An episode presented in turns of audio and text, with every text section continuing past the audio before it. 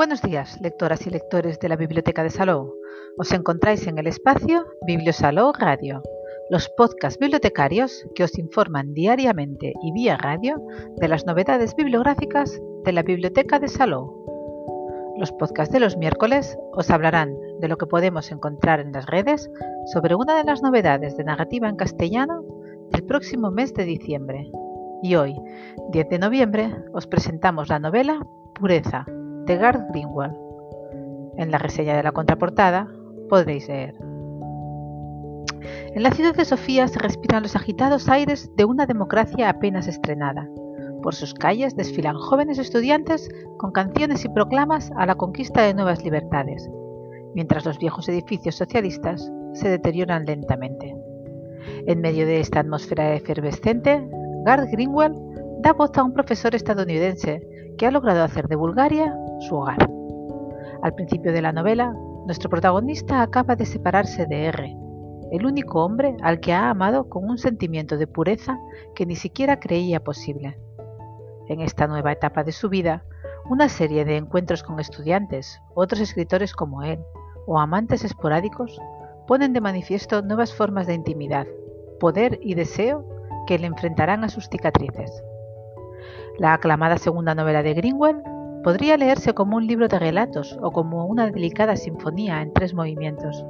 Con su habitual prosa sensual y detallada, Greenwell consigue plasmar sobre el papel los extraños dialectos del erotismo y el deseo en un texto de una fuerza extraordinaria, afianzando su posición como uno de los escritores que mejor indagan en los complejos resoltes de la naturaleza humana. Luis G. Martín, en la web Libros, escribe una detallada reseña sobre la obra.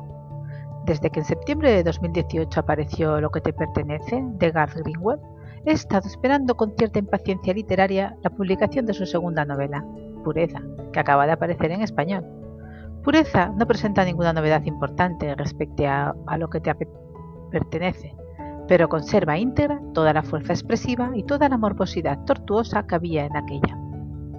El narrador protagonista es el mismo, un joven profesor estadounidense que vive en Sofía dando clases de inglés y explorando sus propios sentimientos. La capital búlgara sigue teniendo un protagonismo importante.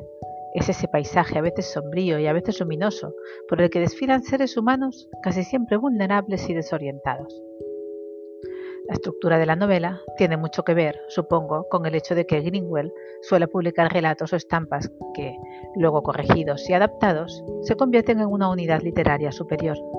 Como él mismo explica en los agradecimientos finales del libro, algunos fragmentos de pureza habían sido publicados antes en The New Yorker, The Paris Review y otras revistas. Pureza tiene así tres partes, cada una de ellas dividida a su vez en tres capítulos. Hay una simetría casi obsesiva. La parte central, la única que lleva título, cuenta la historia de amor del narrador con R. La primera y tercera partes arrancan con dos capítulos semejantes, los filtreos amorosos o eróticos del protagonista con algunos de sus alumnos, y continúan con sendos capítulos de, una explicitud sexual brutal.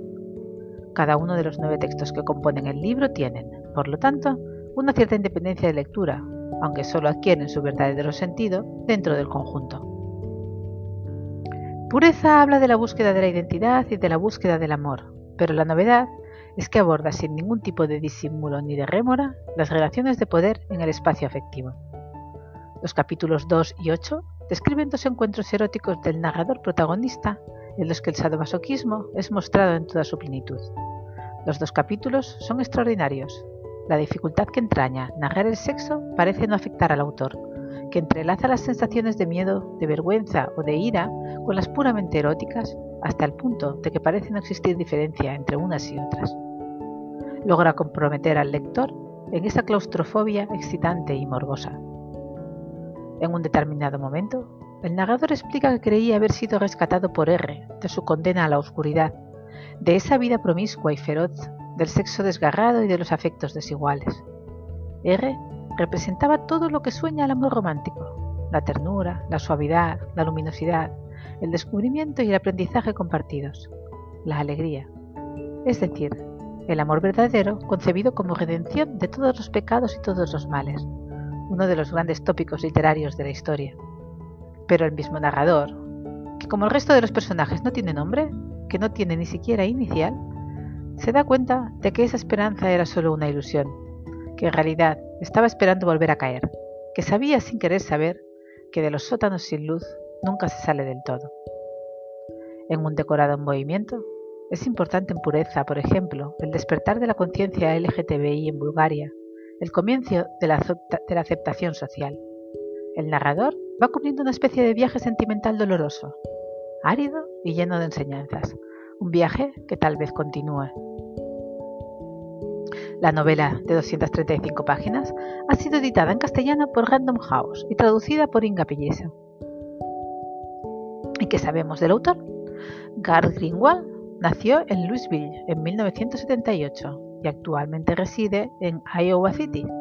Ganó el, Miami University Press Nobel Prize en 2010 y quedó finalista del premio Edmund White Award for Debut Fiction con Mitko, un relato breve que se convirtió en la primera parte de Lo que te pertenece. Este debut novelístico, traducido a una docena de lenguas, ganó el British Book Award y fue nominado para el National Book Award, así como finalista de otros premios. Graduado en Harvard y en el Iowa Writers Workshop, los relatos de Greenwell han sido publicados en The New Yorker y The Paris Review, entre otros. Su última novela, Pureza, es candidata a los premios SADE 2021 y ha sido destacada entre los 10 mejores libros del año en más de una treintena de publicaciones, destacando el New York Times. Y como aún hay que esperar un poco para tener el libro disponible en la biblioteca, si os interesa podéis ir leyendo su anterior novela. Os esperamos, como siempre, para ayudaros a conseguirla. Y hasta aquí el podcast de hoy, pero tenemos más novedades de narrativa en castellano que iremos descubriendo cada miércoles a las 11. Que tengáis muy buen día y muy buenas lecturas que os acompañen en el día a día.